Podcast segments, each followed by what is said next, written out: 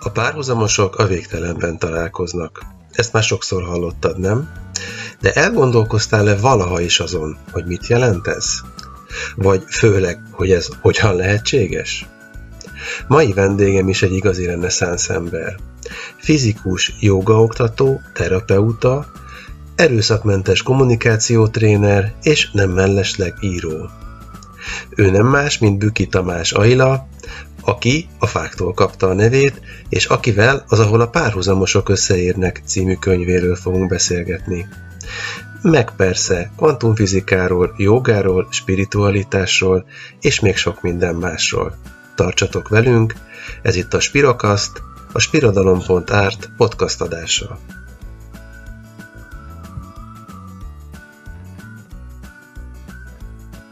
Bemutatom nektek Büki Tamás Aliát, akiről még azt kell tudni, hogy a fáktól kapta az utónevét, amiről majd faggatom. Szia!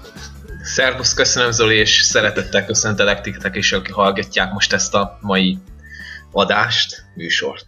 Nagyon örülök, hogy sikerült összehozni ezt a beszélgetést, ami a könyvedről fog szólni, aminek az a címe, hogy ahol a párhuzamosok egybeérnek.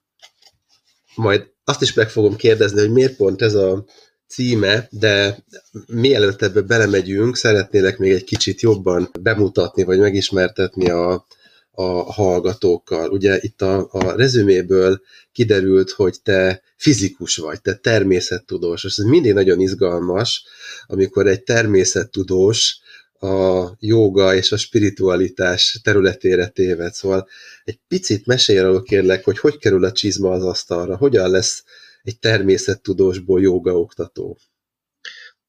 Hát általánosságban nem tudok beszélni, csak magamról, de magamról szívesen elmondom, hogy ugye ez úgy volt, hogy nekem 16 éves voltam talán, amikor volt egy nagyon mély megrázó élményem. Ez egy nagyon mély depresszív állapot volt 16 évesen, és ebben odáig jutottam, hogy akár öngyilkos is szívesen leszek. Tehát, hogy egy, egy az a, az a nyomás, az a stressz, ami egy, egy akár egy gimnazistára nehezedik, hogy legyen valaki az életben, hogy teljesítsem azokat a rám tett kimondott vagy kimondatlan elvárásokat, amik, amik körbevesznek, az egy, az egy nagyon nagy stressz volt.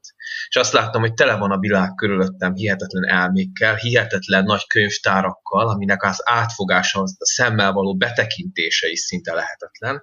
És ez olyan mély nyomás volt, hogy én, aki kvázi egy középszerű ember vagyok, hogy fogok ehhez, ehhez a magasabb, nagyon magasra létre ezt, ezt, ezt, venni ezeket az akadályokat, amit elém hoz az élet. És akkor egyszer csak ebben a nagyon mély állapotban történt egy változás, és engem kiemeltek ebből, és volt egy fényélményem, volt egy ilyen a, a világot ölemben tartó élményem, egy hihetetlen élmény, ami, ami alapvetően átformált, és azt mondtam, hogy na most én ennek utána járok, mi az, ami velem történt. És itt kapott egy célt az életem, és már nem az volt a cél, hogy én legyek valaki, hanem hogy megértsem azt a végtelen szeretetet, aminek az érintése az, az, az ott volt az életemben. Tehát egy nagyon-nagyon határozott és valós Hát ugye az volt a probléma, hogy fogalmam se volt, hogy kinek beszélhetek erről, ki az, aki ezt megérti, kinek volt bármilyen hasonló élmény, azt a szüleimhez nem akartam ebben fordulni, körülöttem nem volt senki, úgyhogy én magányosnak éreztem magam, bementem a könyvtárba, és két könyvvel értem haza, egy Quantum Manika könyvvel és egy Buddha beszédei könyvvel. A Buddha beszédeiről rögtön kiderült számomra, hogy minden szavát értem, de semmit nem értek belőle. Majd a Quantum Manikához fogtam, és utána rögtön az első bekezdésnél alkattam, de tudtam, hogy amiatt, mert hogy a matekot nem tudom.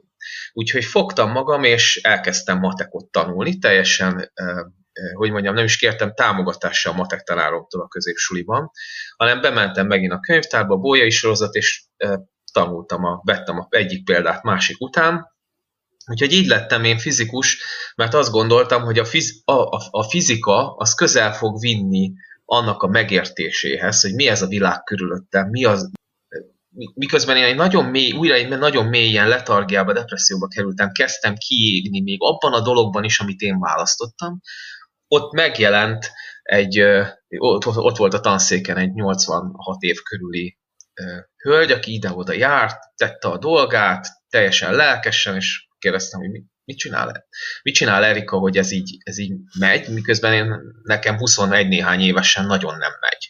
És azt mondta, hogy jogázom Tamás, úgyhogy én így mentem el jogázni, és rögtön az első alkalommal láttam, hogy ha, na ez, ez teljesen jó nekem. Tehát, hogy olyan mély csendet, annyira felüdítő volt az egész testemnek, lelkemnek, hogy ezért maradtam én lény- lényegében rajta a joga útján.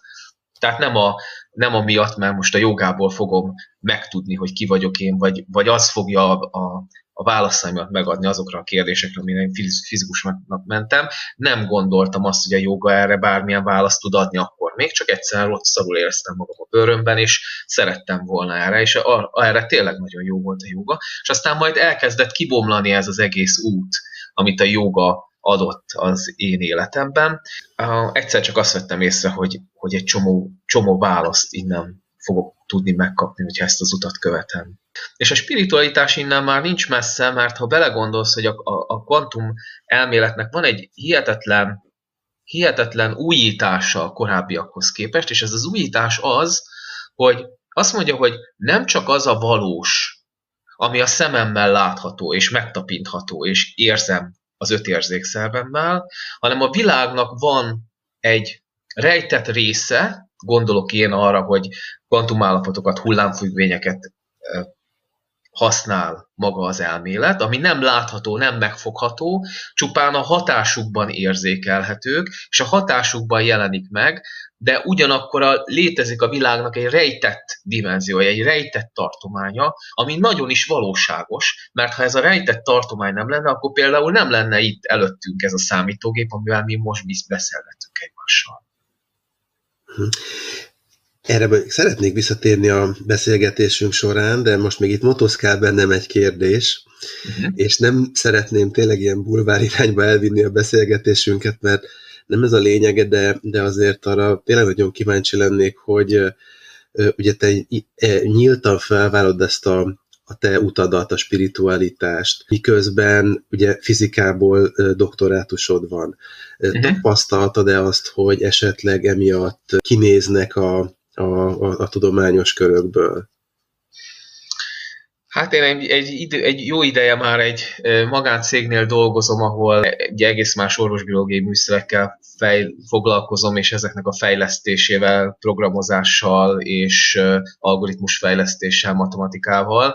És igyekszem a, a kettőt, hogy úgy mondjam, külön választani olyan értelemben, hogy megteszem ami a, ami, odaadom, ami a császárnak, ami a császáré, és egyébként pedig járom a saját utamat, és hogyha valaki ebben nem ért egyet, vagy, vagy van valamilyen ellenérzése, és engem megszólít, akkor én szívesen és szívből vagyok bárkivel egy nyílt beszélgetéssel, és tényleg megvitathatjuk a érveket és ellenérveket, tapasztalatokat. Ugye azt gondolom, hogy a tapasztalatok azok azok, amik e, igazán súlyosak, mert hogyha azt szoktam mondani, hogy a hit az egy dolog, de tudod, hogy ha megtapasztalod a, azt, hogy kék az ég, akkor onnantól kezdve lehet róla vitázni, Na de ez a, az, a, az a tapasztalat, és ez, ez a tapasztalat az, hogyha a másik ember is eljut, akkor ugyanazon az alapon vagyunk. Nem, nem volt még sose olyan, hogy ö, valaki azt mondta, na, na de Tamás, hogy lehet az, hogy egy fizikus ö, jogával foglalkozik, spiritualitással foglalkozik, zarándoklatokat vezet a bőrzsönyben, szakrális helyekre, tájtemplomokra, miért ír, írogatok én olyan dolgokat, amiket írogatok hogy a fény három kapuja, meg hogy hogy jön ehhez Jézus, hogy jön ehhez Krisztus, hogy jön össze mindez a jogával, hogy van az egész egy harmóniában. Én ezt teszem, mert ez belülről jön. És nyitott vagyok bármire. Helyes. Ezt azért kérdeztem, mert annak idején ez nekem egy elég nagy dilemma volt, és évekig gyűjtögettem a bátorságot. Éppen nem vagyok tudós, tehát ezt hozzá kell tenni, tehát nekem azért nem is volt ilyen típusú, mondjuk így, hogy kockázatom, de mégis sokáig tartott, mire vettem a, a, a bátorságot, hogy előálljak azzal, amit, amit egyébként írok, ezért ez engem nagyon izgatott veled kapcsolatban, hogy foglalkoztatott, de értem, és ezt köszönöm, ez egy tök jó válasz, és teljesen érthető. Azt írod a, a, a könyvedben és a, a bevezetőjében, hogy tudományos világképünk hiányos. Ugye most erre már tettél utalásokat, de egy picit időzzünk ennél, hogy hogy látod, miben látod a hiányt?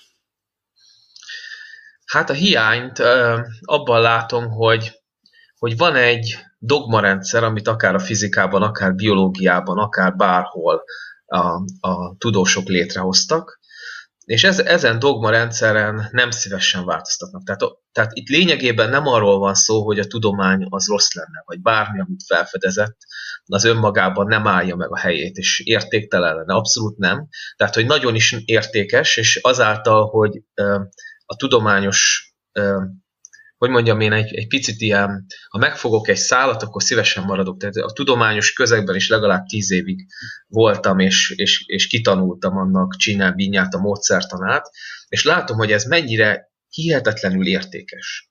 A kérdés csak az, hogy megmaradunk-e a dogmáknál. Megmaradunk-e az olyan dogmáknál, mint hogy ez a test, ez a fizikai test csupán, ami elmegy és elmúlik, megmaradunk-e annál, és, és hogyha ezeknél, ezeknél a koncepciók megmaradunk-e annál, hogy a gondolkodás semmi más, mint a fizikai agyamnak a mellékterméke. Megmaradok-e annál a dogmánál, hogy a fénysebesség mindig konstans? Mert ha megmaradok a dogmáimnál, ha nem vagyok hajlandó újra és újra megkérdőjelezni őket, újra és újra kinyitni a tudásomat, akkor, akkor lényegében egy, egy fagyott és halott dologgá válik a tudomány, és már nem fog számomra információkat lecsatornázni arról, hogy mi ez a világ körülöttem, és ki vagyok én benne. És azért lecsatornázni, mert képzeld, képzeld el, hogy minden fizikai, én ugye a fizikáról tudok elsősorban nyilatkozni, de ugyanez igaz a biológiáról tudom. Minden, minden fizikai törvény, és legyen az a Newton egyenlet, legyen az az Einstein egyenlet, ugye, ami a világnak a téridő szerkezetét írja le. De bármilyen más tudományos, igazi tudományos felfedezés, ami valami eszenciális dolgot hozott az ember életébe és megismerésbe, az nem vezethető le semmi, sehonnan. Ez mindegyik intuitív. Valahonnan a, a megfelelő tudós, miközben egy csomót foglalkozott a témával és töprengett, és utána elengedte az egészet, lehozta ezt. Lehozta ezt a kincset, lehozta ezt a tudást, és utána a matematikai szikéjével és a megfelelő kísérletekkel kibontotta és megnézte, hogy mennyire érvényes a világon van. De az impulzus a szikra, ahonnan jött, az fölülről jött. És egy olyan csatornán keresztül jött, amit, amit nem tanítanak meg az egyetemen, hogy hogyan kell beaktiválni. És ugye nagyon sok tudós mondja, fizikusok, biológusok, akik erre rátaláltak, hogy a jövő tudománya olyan lesz, hogy a meditációt épp olyan fontosnak fogják tartani, és tanítani fogják az egyetemeken, mert pont azok az eszközök hiányoznak ma az oktatásból, amivel ez, a, a lényeges tudományos felfedezéseket a tudósok meg tudják találni, hogyha erre ők spontán rátalálnak, akkor szuper, akkor ők belőleg lesz egy hatékony tudós, ha nem, akkor csak tulajdonképpen írja-írja a cikkeket, ami is hozzájárul a évi sok százezer oldalas szakirodalomhoz, de üres, üres lesz az egész. Ez nagyon érdekes, amit mondasz. Erről az jutott eszembe, hogy ugye én a Sivananda jogát próbálom művelni, uh-huh. és Sivananda mester egyik közvetlen tanítványának láttam egy előadását. Hát természetesen felvételről, mert már ugye ő is más dimenziókba tartózkodik, és ő hosszasan beszélt arról, hogy mi a különbség szerinte a keleti és a nyugati megismerési módok között. És Ugye ő azt mondta, hogy nyugaton ugye az anyag felől közelítjük ezeket a problémákat, és laborokban próbálunk kísérletezni először, és abból próbálunk következtetéseket levonni aztán a világ működésére, és ugye a keleti bölcseknek az az ősi módszere, hogy a tudatszintjüket fölemelik. Egy olyan magasságba, ahonnan láthatóvá, vagy ahol láthatóvá válik, és megszerezhetővé válik számukra egy csomó olyan tudás, amit ők visszahoznak aztán a földre, ahogy mondtad, körülbelül így intuitív módon, és utána azon gondolkoznak, és azt dolgozzák föl, és ezért van az, hogy talán bizonyos dolgokat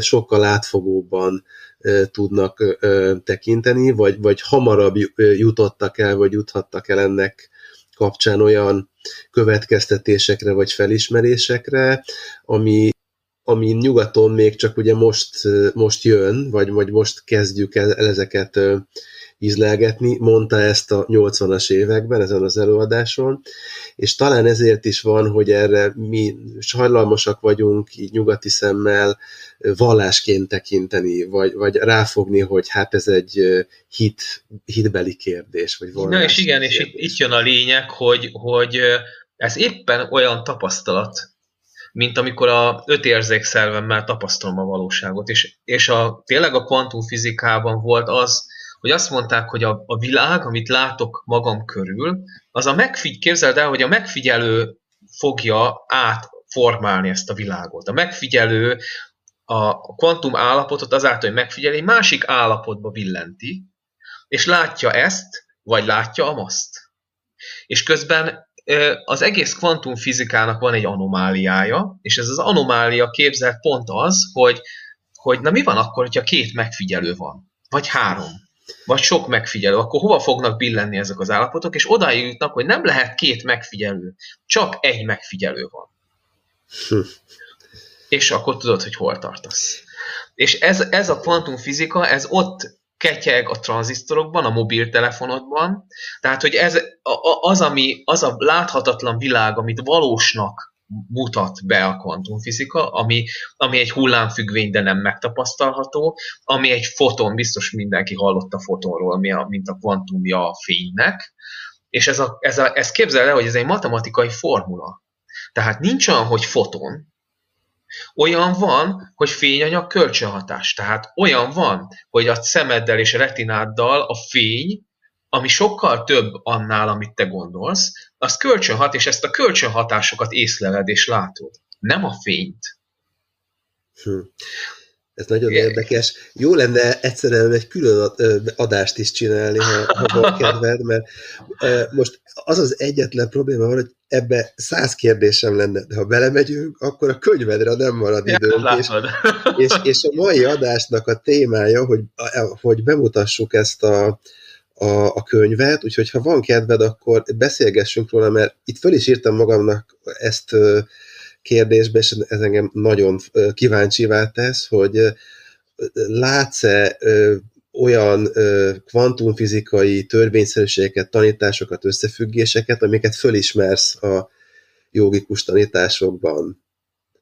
Most erre lehet egy rövid választ is mondani, és akkor erről beszéljünk majd még bővebben, de most nagyon érdekelne, hogy... Hát a rövid válasz az, hogy erről már beszéltem. Tehát, Igen. hogy pont, pont az, a, az a láthatatlan, a, akit, akit megneveznek, vagy meg nem neveznek mindenféle spirituális és vallási megismerési utakban, én ezeket megismerési utaknak hívom, ugyanarra jut el a tudomány. Teljesen ugyanarra. Csak egy teljesen más oldalról, viszont van egy óriási különbség. És az a, az a különbség, hogy az a jogi, aki eljut ezekhez a megismerésekhez, ő megvalósította azt a belső derűt boldogságot, sugárzó békét, míg az a fizikus, vagy az a, az a tudós, aki görnyed a számítógépe előtt, programozik és cikkeket olvas, az nagyon gyakran ott van abban a depresszióban, kiégésben, letargiában, zavardottságban, gondokban, bajokban. Az elme mindenféle útvesztőiben. Tehát, hogy nagyon, ugy, bár ugyanahoz az információhoz jut el a két oldal, de nagyon más a belső tartalom és a megélés. Tehát itt, itt, itt van a különbség, és itt van az azonosság. Ugye a könyvemnek ez volt az alapja, mert én ezzel a, ezekkel a kételyekkel, meg ismeretekkel indultam el, megint csak egy intuitív úton, ami, amire én nekem egy hívás jött, amire nem mondhatom azt, hogy ez hogyha azt mondanák, hogy na most akkor miért mentél, miért mentél fel a bőrzsőben, miért kerestem én ott bármit, ami nem látható a fizikai szememmel, normális esetben egy tudós énemként még öt évvel ezelőtt is azt mondtam volna, hogy ez hülyeség. Hülyeség. Tényleg minek megy az ember valahova, hogy egyszer hallott, tehát jó, hát annyi minden történik az ember fejében, annyiféle álma lehet, annyiféle halucinációja lehet, de miért megy el valaki az erdőbe, hogy ott valamit keressen, ami, amit nem is lehet észrevenni a szemmel. Na és, és a hívás meg belül volt, olyan erős volt, egy olyan erős belső tapasztalat, hogy, hogy, hogy egyszerűen mennem kellett, és fel kellett valamit fedeznem, aminek nagyon nagy a jelentősége. Nagyon nagy a jelentősége. Hát akkor ez egyfajta késztetés volt, vagy elhívás, vagy amit elhivatásnak ö, szoktunk nevezni, vagy szoktak nevezni? Igen, igen, akkor értettem meg ezt sokkal később, a, amikor, amikor spirituális tanítóknak a könyvében hallottam arról, hogy kétféle idő van, és azt mondtam, hogy persze, hát a kvantumfizikában és a fejmangráfoknál is kétfajta idővel számolnak, egy előre menő idővel és egy visszafelé menő idővel. és például az antropozófiában tudják azt, hogy van egy visszafelé jövő időáram, és az akarati impulzus onnan származik. Onnan származik, onnan származik az, hogy ah, nekem mennem kell, hogy ott van már előttem, és ott van már előttem, és hív, és a, afelé kell mennem, mert az az én utam, az az én normám, az az én kibontakozási lehetőségem. Ugye az energia az mindig lehetőség. Ugye amikor az energia szintet emeli mondjuk egy jogi gyakorlatokkal, akkor az ő lehetőségét, vagy a látóterét emeli, és egyre többet vesz észre abból, hogy ő neki merre kell haladni, merre kell bármit tenni, és ugyanez, ezt értem én is meg. Tehát akkor így érnek össze a párhuzamosok, csak így hogy érnek össze rá, rákanyarodjunk a, a könyv címére, ami itt most föl se teszem ezt a kérdést, hogy miért ez a címe, mert ebből, amit elmondtál, azt gondolom, hogy teljesen egyértelmű. Ez nem egy hatásvadás cím, hanem ennek a címnek nagyon komoly köze van a, a, a tartalomhoz. Tehát Igen, nem mindenképpen. Egy, nem egy ilyen kattintásvadász nem, nem, nem, nem, nem. Nem, hát a könyv se egy kattintásvadászkönyv. Ez egy, nem egy e, bölcselkedés, vagy nem egy filozofálgatás, amit leírtam a könyvbe, hanem, hanem tény, tényleges tapasztalatok, és akit, akit ezek a tapasztalatok megérint, vagy me, majd meghív, a, az ezek, ezen az úton, vagy ezen a mesdjén tud tovább lépni. Tehát, hogy itt nem arról szól, hogy, hogy ugye én a jogát is azért szeretem, mert ez egy tudomány. Ugye a tudomány ez egy nagyon gyakorlati dolog. Az azt mondja, hogy ha te ezt és ezt megcsinálod, és a joga is ezt mondja, nem azt mondja, hogy bölcselkedj és filozofálgass a kozmoszon, hanem azt mondja, hogy ha ezeket a gyakorlatokat megcsinálod, ezen az úton jársz, akkor ez a tudás, mint belső tapasztalat számodra rendelkezésedre áll majd és ezt és, és ezt az eredményt eléred. És ezt Igen, az eredményt hát a, eléred. Itt megint a mi mesterünket, Sivanandás, Szami Sivanandát idézném, aki állítólag egyfolytában azt mondogatta, hogy egy gram gyakorlás többet ér, mint száz tonna elmélet. Ez pont, pont erről Biz, szól. Bizony, bizony, teljesen egyetértek. Kanyaruljunk kicsit a, a, a könyvre vissza, még mielőtt itt a tartalmi részében tovább mennénk. Ugye ez a könyv szerkesztését tekintve is különleges, nagyon rövid fejezetekből áll. Ha verses formában lenne, akkor azt mondom, hogy ilyen, mintha ilyen hajkukat írtál volna. Nem verses formában, prozai formában van. Nagyon rövid, nagyon tömör mindegyik fejezet, és amit én a közepénél vettem észre, és hát azt hittem, hogy hiba, hogy a fejezet számok csökkennek. Tehát a, a 54. fejezettől haladunk az egyes felé, uh-huh. és uh, nyilván ez nem véletlen. Miért, miért van ez? Miért így szerkesztetted meg ezt a, ezt a művet? Ugye a jogában gyakran uh, gyakoroljuk a mantra japát, ami egy, ami egy egy teljes kör általában 108 gyöngy, vagy 54 gyöngy, vagy annak a fele 27 gyöngy van egy, egy ilyen mantrán, vagy akár mondhatnánk, hogy rózsafüzéren. Amikor az adott mantrával ugye ezen haladunk végig, akkor akkor valami be, is közben, közben megy a mantra, ugye akkor ez egy megjelenik az embernek a saját középpontja. Az a középpont, amiben nem szórja szét az energiáit, ha, hanem a tudat szintje megemelkedik, és egy magas energia szinten tud megfelelő módon reagálni a világ dolgaira körülötte és benne. És ezt, ezt uh, modellezi a könyv, tehát én azt is írom az, e, az elején, hogy ezek olyanok, ezek a rövid fejezetek, mint egy-egy gyöngy, és hogy van belül egy szál, ugye a Bhagavad Gita-ban van benne, hogy úgy köt benneteket össze az én isteni jelenlétem, mint gyöngyöket a fonál. fonál. És hogy ez a fonál, ez benned van, és a gyöngyök arra szolgálnak, hogy te észrevedd a fonált, amit mindezt összeköti, ami egységes benned és bennem, és mindenkiben. És, és egy kicsit meg-megállva egy-egy fejezet után, és eltöprengve a hallottatokon, elcsöndesedve, de lehet erre rátalálni. És amikor végig megyek visszafelé ezen a, pont azért van a visszafelé számozás, hogy észrevedd a szerkezetet, és hogy amikor végig mész a gyöngysoron, akkor valahol megérkeztél, ami majdnem ugyanott van, mint ahol indultál, mert van közötte egy szem, amit nem lépsz át. És fordítasz. És utána elindulsz visszafelé a gyöngyökön. És megérkeztél majdnem ugyan, ugyanoda, ahol tartottál. De nem, mert van közötte egy gyöngy, egy kiemelkedő gyöngy, egy hegy, amit nem lépsz át. És indulsz visszafele. És, és minden egyes körrel a...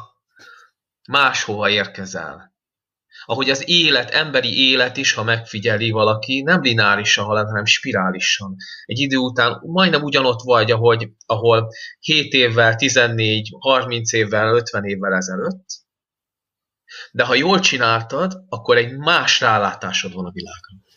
De amikor a végére értem, akkor nekem az volt a, a, a megélésem, hogy, hogy oké, okay, végigértem a láncon, és akkor most ez olyan az olvasónak, hogy ez egy kiinduló pont. Tehát nekem lehet ez egy kiinduló pont, pontosan azért, amit említettél, hogy, hogy ebben nagyon sok mindenről is, tehát ebben nagyon sok információ van, és tényleg ezek olyanok, mint a, mint a kapszulák. Tehát én is ezt úgy fogalmaztam meg, hogy ezeket nem szabad tehát nem szabad egyszerre sokat olvasni ebből a könyvből, néhány fejezetet szabad, le kell nyelni, úgy emészgetni kell, úgy gondolkodni kell rajta, és utána menni tovább, és amikor így véget érsz ezen a láncolaton, akkor van egy olyan érzésed, vagy legalábbis nekem az volt, hogy hát akkor ez egy felhívás keringőre, itt van egy új kiinduló pont, akkor, akkor nosza. Igen, ha igen, akarod, igen. Akkor, akkor, akkor pergetheted tovább ezt, ha akarod. Nem, hogy a saját, saját életed az saját élményed és a saját utad, tehát hogy, hogy a könyv az, az nem több, mint egy útjelző tábla, hogy tolle mondja. És hogy rámutathat dolgokra, amik fontosak, meg segíthet. Tehát kicsit azt szoktam mondani mindig, hogy nézd meg egy térképet, én például imádom a térképeket, gyűjtöm is őket. Nézd, imádom böngészni őket. Na de egy dolog végigböngészni és megtervezni egy utat, és teljesen radikálisan más élmény oda menni, belépni az erdőbe és járni az utat. Az nem ugyanaz, mint a térképet böngészni. Uh-huh. És én pont erre szeretném bátorítani az embereket, hogy lépjenek be az erdőbe, ne csak a térképet böngészszék.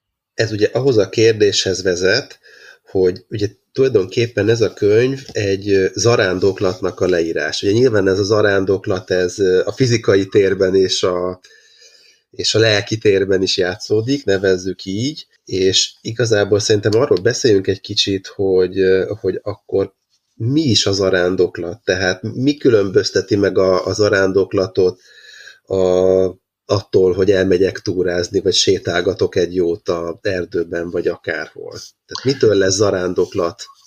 Ugye a zarándoklatnak az egyik számomra a különbség a kirándulás, vagy egy túra és egy zarándoklat között az, hogy van valami, amit beteszek a térbe. Egy, például egy kérdés, ez az egyik komponens, egy kérdés, amire szeretnék az életemben választ kapni. Egy élethelyzet, amire szeretnék valahogy valamilyen emberekkel való kapcsolódáson által, vagy, vagy az éghez való kapcsolódás által, vagy bármilyen módon, ami tudod, sok esetben átszalad előtted egy mókus, és ahogy nekem is volt ezen az arándoklaton, hogy elindultam, és rohantam, és toltam, és akkor egyszer csak két mókus átszalad előttem, és azt mondja, hogy Nyugi Tamás, játékosan, könnyedén. Tehát, hogy tanít számomra valamit az erdő, minden állat, minden fa, egy, derékba tört fa tanítójává válik az embernek, és a saját belső kérdéseire kaphat választ. Ez az egyik komponense. A másik nagyon fontos komponens pedig az, hogy és ezt a, amikor viszek így minden hónapban viszek zarándoklatot, el szoktam mondani az ott ö, hozzám csatlakozó ö, zarándok társaknak, hogy, hogy ajánd föl a zarándoklatodat, hogy már ne csak a te javadra, a te békédre, a te problémáinak a megoldására legyen ez az út, hanem hogy, hanem hogy járuljon hozzá az utad, minden egyes lélegzetvételed, minden egyes lépésed, ahhoz, hogy a többi emberben nőhessen a béke, a szeretet, nőhessen bennük a, a lehetőség annak, hogy a saját nehéz helyzetükből, betegségeikből kiléphessenek, túlléphessenek. Tehát, hogy, hogy a, a többiekért teszem az utat, már nem csak önmagamért. Hát ez egy tipikus jogás hozzáállás, ugye a mi mestereink is mindig azt mondják, hogy amikor gyakorolsz, persze magadért is gyakorolsz, de nem csak magadért gyakorolsz. Tehát ez egy dolog, hogy rád ez majd jó hatással lesz, mert általában jó hatással lesz, az, hogy ászanákat végzel, vagy mantrázol, ugye ezt hívjuk dzsapázásnak, de hogy ez nem csak rád van jó hatással. Igen, és, és hogy, és összes, ott... az összes bölcs azt mondja, hogy a, a, a világot ugye nem lehet jóvá tenni, magadat tudod egy kicsit jobbá tenni, és majd ettől lesz jobb a világ. Ezt az összes nagy jogi elmondja különböző módon, és hát ez manapság, amikor ugye olyan események zajlanak, amik zajlanak, ez különösen fontos lenne. És, Igen, és azt gondolom, hogy ez az, amit, ez az, amit nem, nagyon ért, nem nagyon értünk. Tehát mindenki mástól várja a dolgok jobbra fordítását, külső megoldást keres, és hát ugye látjuk, hogy ennek az útnak az a az a mellékhatása, hogy amikor most beszélgetünk, ugye Ukrajnában éppen dúl a háború, amit nem szeretnék behozni a beszélgetésbe, mert ugye pont az lenne a cél, hogy ilyen dolgokkal foglalkozunk, amiről most beszéltél az imént, tehát ami fölemel, nem ami... ami Igen, ez, de ez fölemelhet, olyan értelemben felemelhet, hogy ha körbenéz az ember ugyanakkor a világban, miközben ez is ott van, azt látod, hogy egyre többen ébrednek fel. Egyre többen azt mondják, hogy neke, nekem az agresszió, a brutalitás, hogy így oldjunk meg konfliktusokat, nekem ez nem kell. Én, a, én azt szeretem, hogyha én át tudom ölelni az embereket. Marshall Rosenberg, aki az erőszakmentes kommunikációnak volt az atya, azt mondja, hogy én bárhova megyek a világban, bárhova, és rengeteg helyen járt, és olyan konfliktusokat oldott meg kommunikációval, hogy a, mondjuk egy afrikai törzsnél mind a két oldalon már volt több száz halott, és olyan embereket ültetett le beszélgetni, hogy az egyiknek az tudja, hogy ő ölte meg az anyámat, ő ölte meg a bátyámat, és ezeket az embereket leültette beszélgetni, és úgy feloldotta a konfliktust, hogy ezek az emberek mindkét oldalról átvelték, és azt mondták, hogy miért nem voltál itt három-öt hónappal ezelőtt, akkor most élne a bátyám, élne a testvére. És hogy ez, vannak, vannak megoldások, és azt mondta a Marshall Rosenberg, hogy bárhova járok a világban, és megkérdezem az embereket, hogy mit, teszne, mit tesz téged igazán boldoggá, akkor mindenhol, bármilyen nemzetben az jön elő, hogy azt tesz boldoggá, hogyha a másiknak adhatok. Ha átölelhetem. Hogyha valami, valamilyen módon segíthetek. És ez az alapvető emberi karakterünk, és egyre többen vannak a világban, akik azt mondják, hogy, hogy én így szeretnék élni. Ezekre az értékekre szeretnék fókuszálni, mert én egy olyan jövőt szeretnék, és egy olyan bolygót átadni a gyerekeimnek, ahol jó élni. Ahol biztonságban lehetsz, és ki tudod, végig tudod járni azt a darmikus utat, a te életutadat, fiam vagy lányom, amiért itt vagy ezen a földön. És hogy ez lehet máshogy is, és nagyon sokan ébrednek, és nagyon sokan azt mondják, hogy ők ezt nem így szeretnék. És jönnek a megerősítések, és tartunk mi is minden hétfőn békemeditációt mostantól, egy 20 percest, ahol mantrázunk, és kapcsolódunk, és megerősítjük egymást, és, és Steiner is leírta azt egyébként, hogy az erőcsoportok, tehát hogyha ha tíz ember meditál, az nem tízszeres erő, hanem az mondjuk kettő vagy három a tizedikenes. Tehát, hogy a tíz ember ezerszeres vagy százezerszeres ember, erőt tud, változ, változtató erőt tud behozni ebbe a világba. Tehát a egymásért és másokért meditáló csoportok nagyon erőteljes átalakulást tudnak hozni. A fizikában van ilyen, hogy halmazállapotváltozás. Nagyon érdekes és izgalmas dolog. Egy jeget melegítesz, melegítesz, melegítesz, és nem látod, hogy történik valami. Nem látod, nem történik semmi látszólag. De mégis történik, mert lesz egy pont, ahol megolvad a jég. Hirtelen történik. Na, egy ilyen fázis átalakulás határ, határára került az emberiség, és együtt meg tudjuk teremteni azt, hogy valahogy valami más dolog legyen itt körülöttünk. És ebben minden egyes embernek, aki leül meditálni és kapcsolódik egy ilyen csoportos, számos ilyen csoport alakul Magyarországon is, és a világ minden országában. És ezek az emberek belemerülnek, egymást föltöltik, máshogy beszélnek, sugározzák ezt a többlet energiát, fényt, és lehetővé teszik azt, hogy egyszer csak valaki, aki kiadja azt az utasítást, hogy bombázzunk le városokat, ahol nők és gyerekek és férfiak vannak, és lakosságot bombáznak, kiadja ezt az utasítást, és egyszer csak az fog megszületni benne, hogy ezt nem. Ezt nem, csináljuk, és nem érti, hogy honnan jön a belső indítatása is, hogy ez így függünk, mert tudod, mint a gyöngyök, a, össze vagyunk kötve össze vagyunk kötve nagyon sok fajta szálon, és igenis, mikor valaki akár egy meditációval van, akkor is tud tenni azért, hogy máshogy legyen a világ. És ezt egyébként nagyon könnyen meg is lehet tapasztalni, ugye, ami, ami talán meglepő lehet annak, aki nem csinált még ilyet, mert ez olyan rettentő misztikus dolognak tűnik, és ehhez képest, amikor elmész egy ilyen eseményre, ami sokféle lehet, tehát hogy te is mondtad, hogy békemeditációs körök vannak, most már egyre több ilyen omchanting kör is van, tehát ezekhez lehet csatlakozni, ami, ahol ugye semmi más nem csinálsz, csak mondjuk 45 vagy 60 percen keresztül az ommot zengeted, vagy elmész egy kirtanra, ami gyakorlatilag mantra éneklés jelent, és egyszerűen megérezheted azt, hogy mondjuk otthon próbálok meditálni, nem megy. Mindig minden eszembe jut, és elmegyek egy ilyen helyre, és ott meg megy. Tehát ott et, lesz egy olyan élmény, de előbb-utóbb, hogy hú, hát már öt percen nem gondoltam semmire, ezt otthon nem tudom előállítani.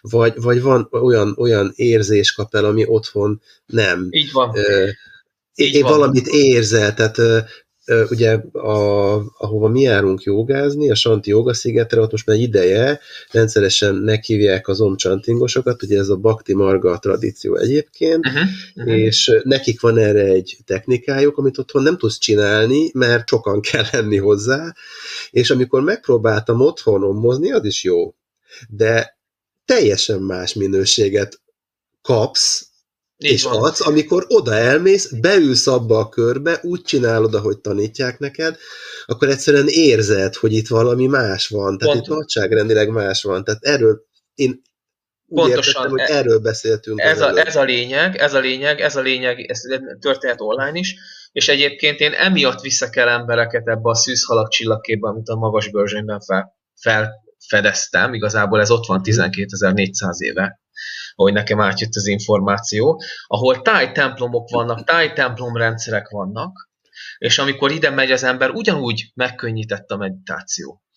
Ugyanúgy mesterek támogatják, akik nincsenek fizikai testben, de ugyanúgy támogatott, és ugyanúgy a belső és külső gyógyulás szolgálja az az erőtér, amit, amit ott az ember végigjár. Oké, okay, akkor most menjünk végig ezen a, a, a, az állításon. Mi az a tájtemplom? Táj templom egy olyan, olyan hely, ahol, ahol más, mások az energiaviszonyok. Ez egy, ez egy belső, tehát ahogy az, a, ugye a, számomra a kriya joga volt az, ami ezt kinyitotta. Tehát minden beavatásnak az a lényege, bármilyen e, tradíció és bármilyen ősi beavatási e, megközelítés is legyen az, az a lényege, hogy felnyit olyan szunnyadó érzékeket, ami minden emberben ott vannak az öt érzékszerben felül. Egyszerűen én például ugye három, három fajta fő aspektusa van, vagy tapasztalati aspektusa ennek a belső látás, belső hallás és a belső rezgések vagy dinamikai érzékelése. Nekem ez utóbbi az, ami, ami legközelebb áll hozzám, és én belül érzem a rezgés mintákon, hogy itt valami más, más van más történik. Ugyanez érezhető egyébként egy tényleges templomban, ami felava, beavatott templom, vagy feladatott szent tér. Mert vannak templomok, ahol ez nem működik. Van, ahol nagyon erősen működik, tehát valami beavatott tér, vagy felavatott tér. És ugyanígy a, a, a tájban is vannak ezek lehet, esetnek sziklára, esetnek jelölhetik fák, ugye a fák nagyon érzékenyen tudják ezt jelölni, hogy mi az, ami ott van, hogyha az embernek van erre szeme. És van, van, hogy egy egyszerűen egy oldal, de lehet érzékelni ott azt, hogy valami más minőség van. És ezeket ugyanúgy mesterek ö, hozták létre, pont azért hozták létre, hogy amikor ennek eljön az ideje, és erre az emberek rátalálnak, és ezeket járják, úgy, mint akkor történik valami, szimbólumot kezdenek olvasni. És ugye a szimbólum, mint mikor veszel egy könyvet, kinyitod a könyvet, és elkezded olvasni a szavakat, ott is szimbólumokat találsz, és amikor ezeket a szimbólumokat elolvasod, azaz belemész az olvasásba, akkor benned egy élmény születik, egy kép születik, egy történet születik. Tehát, és átadódik ezen kívül, a, ezen keresztül a képeken és élményeken keresztül átadódik neked valami információ. Na, ugyanezt történik a tájtemplom rendszereknél is. Tehát a zarándoklat, ami tájtemplom rendszereket köt össze, az, az egy régóta bekódolt élményt és információt tud lehozni az emberek számára. És azért történt ez, mert ezt az információt fontos lehozni, mert a, a most már ugye a felívelő, a világosság felé menő korba léptünk, és hogy most van itt az ideje, hogy ezeket kibonthassuk, és és egymást segítésére és emelésére elkezdjük használni. Használjuk. Hogy értsük azt igazából? Az a kérdésem, hogy ezeket mesterek hozták létre. Hát ami, ami számomra így átjött, hogy annak idején, amikor jöttek a, a elsüllyedt Antarktisznak a mesterei, ugye minden nagy világkorszaknak, amit, amiben megjelenik egy vízözön ami ugye egy 26 ezer év körüli ciklus, és akkor ezek a, ezek a mesterek jöttek e, nyugatról, ugye az Írországnak a határa mentén jöttek be Európába, és vándoroltak Tibet és India felé, akik megalapították ott az indiai kultúrát, létrehozták mindenhol ezeket az információs tereket. Uh-huh. Tehát akkor ezek Tehát, mindenhol vannak, csak fe, rá, valakinek rá, rá, rá kell lelnie. Rá kell döbbeni. Tehát van ilyen ugye a Pilisben, van ilyen a Börzsönyben, a Pilisben ugye ezt a teret, ugye a, a, ott avatták, a, ez egy szakrális tér volt a Pilis közepe, nem lehetett belépni akárkinek, őrizték, e, itt avatták a Árpádházi királyainkat, akkor lehetett valaki király, hogyha képes volt csatlakozni azokhoz az információkhoz, és hogyha ő nem volt képes egy háromnapos szertartás alapján nem, nem tudta ezt megtenni, beavat, ugye ez volt a beavatás, hogy ő többet lásson a világból, és ezért tudja jól kormányozni az itt lévő embereket. Ha erre nem volt képes meg, nem adták királyát. Tehát, hogy ezek vannak, ezek beaktiválhatók, és mindenhol ott vannak, nem csak Magyarországon. Ezekre rá is fognak emberek bukkanni, ahogy, ahogy most nyílik minden, és hogy ezeket, ezeket elkezdik emberek járni, és olyan, olyan energiákat kezdenek mozgósítani, amivel nem nem tud jelenleg az agresszióra épülő hatalom mit kezdeni. Ahogy annak idején ö, olvastam valahol, hogy, hogy már a hatalom azt mondja, hogy itt, itt vagyunk a Pentagonban, nem tudunk az emberekkel mit kezdeni, mert nem tag, ide jönnek, tüntetnek, majd hazamennek. És sem, semmiféle szervezetnek nem tagjai. Egyének, akik azt mondják, hogy én így szeretnék élni, és így vagyok belül harmóniában, és ez, ez, ezek az egyének egy, azáltal, hogy csinálják a saját spirituális gyakorlataikat, szinkronba kerülnek egymással. Egy olyan mérhetetlen szinkronba, ami, ami alapvető és radikális politikai és minden globális változást, egy pozitív változást fog most indukálni a világban. Ja, pont ebből adódik a kérdés, hogy nyilván aki ezt nem szeretné, annak például érdekében állhat mondjuk tönkretenni ezeket a, a helyeket. Lehetséges ez egyáltalán? Lehetséges. Hogy amikor, amikor, amikor én elmegyek egy ilyen helyre, nyilván a templomba is ö, ö, viselkedni kell valahogy. Hogy, hogy kell viselkednem? Hogy, hogy lehet ezeket a, a, a helyeket megközelíteni, felkelni? Hogy szabad egyáltalán?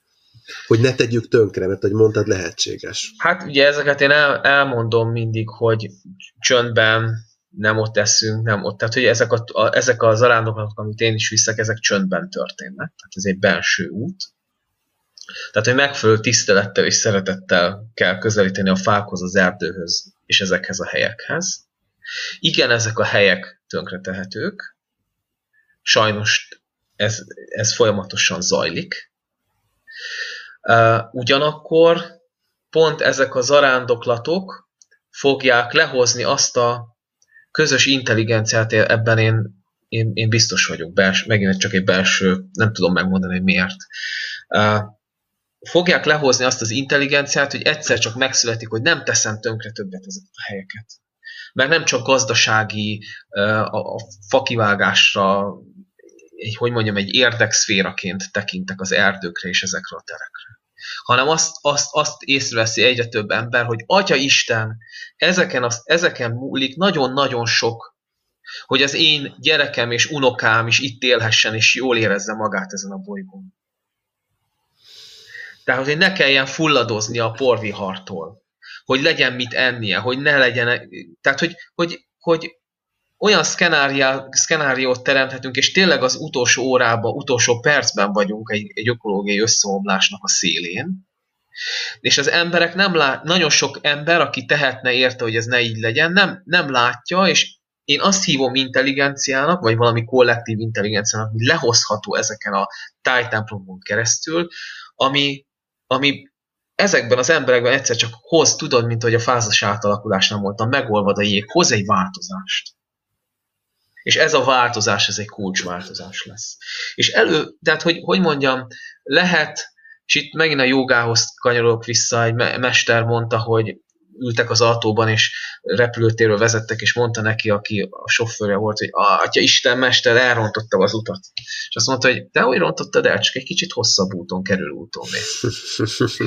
Tehát, hogy a, a dolog, odaérünk, odaérünk ahhoz a fénykorhoz, így is, úgy is, tehát, hogy ez nem, nem olyan, amit ezek a hatalmak, vagy kizsákmányoló hatalmak meg tudnak akadályozni, hogy mi eljussunk a fénykorban. Nem tudják megakadályozni. Hosszabb és szenvedéstelibb utat viszont tudnak nekünk biztosítani. És ezért fontos, hogy minden ember, aki e- a dolgokat felismeri, megtegye a saját lehetőségeit, ben azt, azt a kis lépést, amit meg kell tennie, azért, hogy a saját magunknak, gyerekeinknek és unokáinknak minél kisebb szenvedéssel tudjon kinyílni az, aminek ki kell nyílni. És akkor ennek lehet az egyik eszköze a joga, és egyébként a, az arándoklat. Az arándoklat is, mind, mindegyik, igen. Kétféle zarándoklatot is leírsz ebben a könyvben, egy Orion zarándoklatot, és ahogy említetted az előbb ezt a szűzhalak zarándoklatot. Egy pár szót mondanál arról, hogy mi a különbség? Tehát, hogy mitől Orion az egyik, és mitől szűzhalak a másik? Orion a Pilisben van, az Orion zarándoklat. A Orion zarándoklatnak egy, egyfajta intelligencia lehozása célja. Ugye ez az, amit a pálos szerzetesek őriztek, és a, az egész Árpád-házi királyoknak a terét magába foglalja, szent terét. Ugye a három központi csillaga, az Orion csillagképnek a csillag, ugye ezek levetülő csillagképek, pont úgy van három piramis alakú hegy a Pilisben, mint az Orion csillagai, és pont ugyanúgy helyezkednek el, ahogy egyébként az egyiptomi nagy piramisok, és ezek hegyek.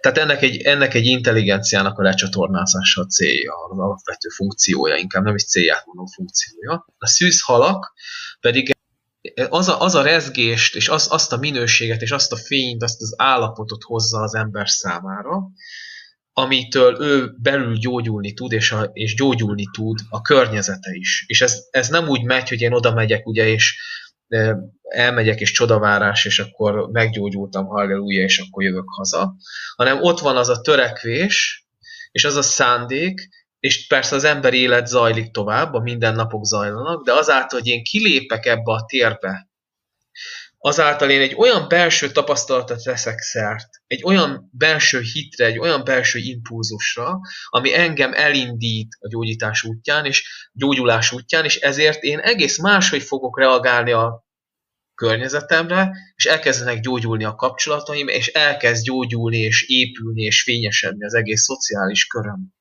Tehát így, ilyen értelemben belső külső gyógyulás. Tehát más a funkciója a kettőnek könyvben nyilván nem véletlenül így koordinátaszerűen nem adtad meg, hogy hol vannak ezek a pontok. Szerintem a, ami, amiről most beszélgettünk, az alapján ez teljesen érthető is, de azt is említetted, hogy te vezetsz ilyen zarándoklatokat, hogyha mondjuk valaki szeretne egy ilyenen részt venni, mert hallja a beszélgetésünket és kedvet kap, akkor hol tudja ezt, vagy hogy tud téged elérni, vannak-e feltételei annak, hogy én mondjuk elmenjek egy ilyen zarándokra, tehát mondjuk bárki mehet-e, egy picit erről, erről mesélj Aha, kérlek. hát a gayatri.hu oldalon az események között mindig fel vannak az aktuális uh, zarándoklatok, ezeket ha, havonta egy ilyet tartok. Uh, létszám limit van, mert nem vihetek akárhány embert ezekre a helyekre. Uh, viszonylag hamar egyébként egy, egy ilyen út beszokott állni. Ha valaki a hírlevéllel feliratkozik a hírlevelemre, a Gajatri hírlevélre, szintén az oldalon megtalálható, akkor időben értesül róla, és tud jelentkezni, ha ő szeretne. Maguk az, a, az utak adományosak, tehát, és az adományból én semmit nem tartok meg, hanem gyógyító karitatív szervezeteknek továbbadom őket egy az egyben és, és igazából a, a feltétel annyi, hogy jó, hogyha ő neki van egy e, e, valamilyen gyakorlata bármilyen meditációs technikában, egyszerűen azért, mert én ott fönt nem tanítok meditációs technikát, csöndben vagyunk, és ő a saját meditációs technikáját vagy, vagy gyakorolja, vagy ha nincs ilyen, akkor csak csöndben van, és e, próbálja átérezni, amit át tud érezni. Ugye a meditációs technikák segítenek, hogyha otthon az ember ebben gyakorlatot kapott, hogy ott egy nagyobb megélésre tehessen szert és mivel ez fönn van a magas bőrzsönyben, ezért általában 8-12 km körüli, 13 km körüliek ezek a túrák, és viszonylag nagy a színkülönbség, tehát általában 450 650 méter, attól függ, hogy melyik túrán vesz részt. Tehát emiatt kell egy közepes állóképesség, hogy ezt, ezt tudjon, tudjon velünk jönni. Ugye ezek nem teljesítménytúrák, mindig az utolsó ember bevárjuk. Azt szoktam elmondani az embereknek, hogy uh, legyetek hálásak annak, akik a legutoljára jön, mert amíg őt várjuk, addig te még inkább jelen tudsz lenni az erdőben, és még inkább tudsz magadhoz és a környezethez kapcsolódni. Tehát mindig a, a legutolsónak vagyunk a leghálásabbak. Úgyhogy, uh, úgyhogy így megyünk szépen lassan, ütemesen feljött, jött velünk már 70 éves néni, akinek két éve volt szívműtéte, tehát hogy kivitelezhető azok számára is, akik, akik esetleg nehezebben mennek, de nyilvánvalóan egy alapvető kondíció kell hozzá, mert, mert azért ez nagy, nagy a szintkülönbség. Írod is az egyik fejezetben, hogy Ugye ennek kapcsán fedeztet fel a Nordic Walking technikát, meg ezeket a, a botokat, úgyhogy én el is határoztam, hogy én beszerzek magamnak. Nagyon, nagyon, nagyon jó. Tehát, hogy tényleg én a lengyel Kriszta jogoktató társamtól tanultam ezt meg, én annak idején azt mondtam, hogy hát botta, hát ugyan már ne viccelem, hogy én annyira öreg, hogy én botta járjak, de hogy ez, ez egy sport, sporteszköz, aminek az a célja, hogy a, a csípő és térdidő ízületemről leveszem a terhelést. És ettől, ettől képzeld el, hogy a 95, tehát az úszás az, az egyetlen ilyen sport talán, hogy az izmo, izomzatodnak a 95%-át átmozgatja, és nem aszimmetrikusan mozgatja át, tehát nem a, a térdízületeden lesz mindig a kopogás, és ezért föl tudok szaladni a helyre, úgyhogy nem pusztulok bele, és le tudok jönni úgy, hogy nem megy szét a térdem. Tehát Ez főleg a lejövetelnél lesz, azt gondolom, nagy segítség, mert én a térdemet szoktam fájni lefele. Fölfele még hagyjám, lefele, az, De. az ember ilyenkor minden technikát bevet, úgyhogy mondom, én elhatároztam, hogy beszerzek. Igen, érdemes elmenni egyébként egy három órás tanfolyamra, többen tartanak, Krista is tart Szentendrén gyakran, és megtanítja három óra alatt az alapvető technikákat, hogy hogyan kell ezt jól használni, hogy az tényleg, tényleg le tud venni a terhelést a térdedről. Még egy dolgot beszéljünk meg. A könyvhöz hogy juthat hozzá, aki kedvet kap az elolvasásához? Uh, hát uh, ott van a legnagyobb könyvesboltokban, a Bookline-on, hát rákeres a nevemre, vagy a, a könyv címére, ahol a párhuzamosak egybeérnek, akkor, akkor meg tudod ezt találni, vagy pedig, vagy pedig a honlapon a gajaci.hu oldalon, hogyha szeretnél dedikált könyvet, akkor így tudok neked küldeni dedikált könyvet. Oké, okay, de most még egy kérdés eszembe jutott, amit menet közben akartam föltenni, de most, ahogy itt szóba került a név, ugye te írod is, meg említetted is, és a bevezetőben én is mondtam, hogy te a fáktól kaptál nevet. Így Ez van. hogy volt? Ezt, ezt meséld még el, kérlek hát szépen. Hát, Sajnos letelt az adás időnk, de addig nem fejezzük. Addig, addig, addig nem megyünk el innen, oké. Okay. Ez egy nagyon emlékezetes jogatábor közben történt, amikor én kiültem egy ilyen gyönyörű bükkösben a Mátrában, egy kicsit csak ott lenni közöttük, és egyszerűen átjött. Tehát valami, valami ott megnyílt, és átjött ez, és valami nagyon ősi volt, és nagyon magamra ismertem benne, és akkor fölírtam a füzetembe, és utána tíz évig ezt sehol nem használtam, de most, hogy ide a bőrzsénben mentem, rájöttem, hogy ez egy kulcs, hogy én a valódi nevemet mondhassam, beleléphessek a valódi nevemmel a tájba. Úgyhogy... És ez, a, ez, ez az Ayla név, ugye? Uh-huh. Igen. És mit jelent? Azt tudod? Azt elárulták a névadók, hogy ennek van-e valami jelentése? Nem, nem, nem. nem. Szerintem a, nem, a, nem a jelentés számít, hanem a, a név mindig egy olyan, amin keresztül megszólítjuk egymást, és, és én is ha a fákhoz érek, akkor elvel mutatkozom be, és ezáltal, ezáltal érzem meg az erdőt. De, ha, de, de én azt szoktam mondani, hogy mindenki azt a nevét mondja, ami, ami tehát nem kell kitalálni semmit, hanem, hanem amit, amit az, a, kaptál a szüleitől, azt nyugodtan mondhatod, és avval is ugyanúgy meg lehet szólítani a fákat, ugyanúgy bele tudsz lépni az erdőbe, egy más minőséggel lépsz bele az erdőbe. Ahol, ahol az erdő már nem csak egy, egy díszlet, hanem a lényed része és így járod végig az arándoklatot. Nagyon szépen köszönöm a beszélgetést. Remélem, hogy még folytatjuk, ha van kedved. Ugye itt most kinyitottunk egy csomó kincses ládát a kvantumfizika és a joga összefüggéseivel kapcsolatban, meg nagyon sok mindenről beszéltünk, amit, amit én szívem szerint még tovább beszélgetnék ezt az adást most lassan be kell fejezni, mert még emészthető és fogyasztható hosszúságúra érdemes ezeket az epizódokat csinálni. Aha. Még így zárszóként azt szeretném elmondani, hogy én ezt a könyvet nagyon ajánlom azoknak, akik a joga iránt érdeklődnek, hogy általában a spiritualitás iránt érdeklődnek, mert nagyon sok érdekességet fognak benne találni, és mindenki más. Tehát a feleségem is elolvasta ezt a, a, a könyvet, és őt nyilván és természetszerűleg, de, de azért mégiscsak ugyan rácsodálkozásszerűen teljesen más fejezetek találták meg, és fogták meg, mint engem. És persze van, ami mind a kettőnket megfogott, szóval nagyon sok mindent meg lehet tudni, ebből a könyvből. Nagyon érdekesen van megírva, azzal együtt, hogy ez nem egy szórakoztató irodalom, tehát nem egy regény. Nagyon ajánlom mindenkinek, aki ilyen irányba affinitást érez magába, hogy ezt szerezze meg, és olvassa el. Ugye most akkor el is árultad, hogy ezt akár dedikálva is meg lehet kapni tőled, ami szintén egy más minőséggé teszi a könyvet, hogyha a szerző bele ír valamit, vagy beleír egy üzenetet, vagy akár csak a, a, a nevét a könyvbe. Nem tudom, esetleg zárszóként van-e még valami, amit szívesen elmondani, egy üzenet az olvasóknak, vagy... Hát először is hálásan köszönöm neked, hogy most beszélgethettünk, és hogy nagyon szívesen látom az olvasókat, és találkozok velük egy-egy ilyen zarándoklaton, hogy, hogy egy, ahogy mondtam is, hogy ne, ne csak térkép legyen, hanem élmény.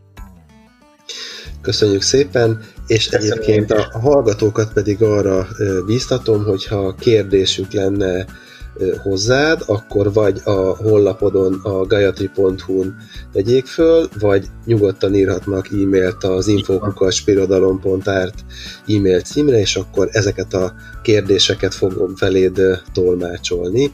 Úgyhogy várjuk a kérdéseket, érdeklődést, szeretette akár a kritikát is, ha Így valakinek van, ehhez van kedve. Némi mazoizmussal, de várjuk. Köszönjük szépen, hogy velünk voltatok. Köszönöm, köszönöm szépen én is. És találkozunk a következő adásban. Sziasztok!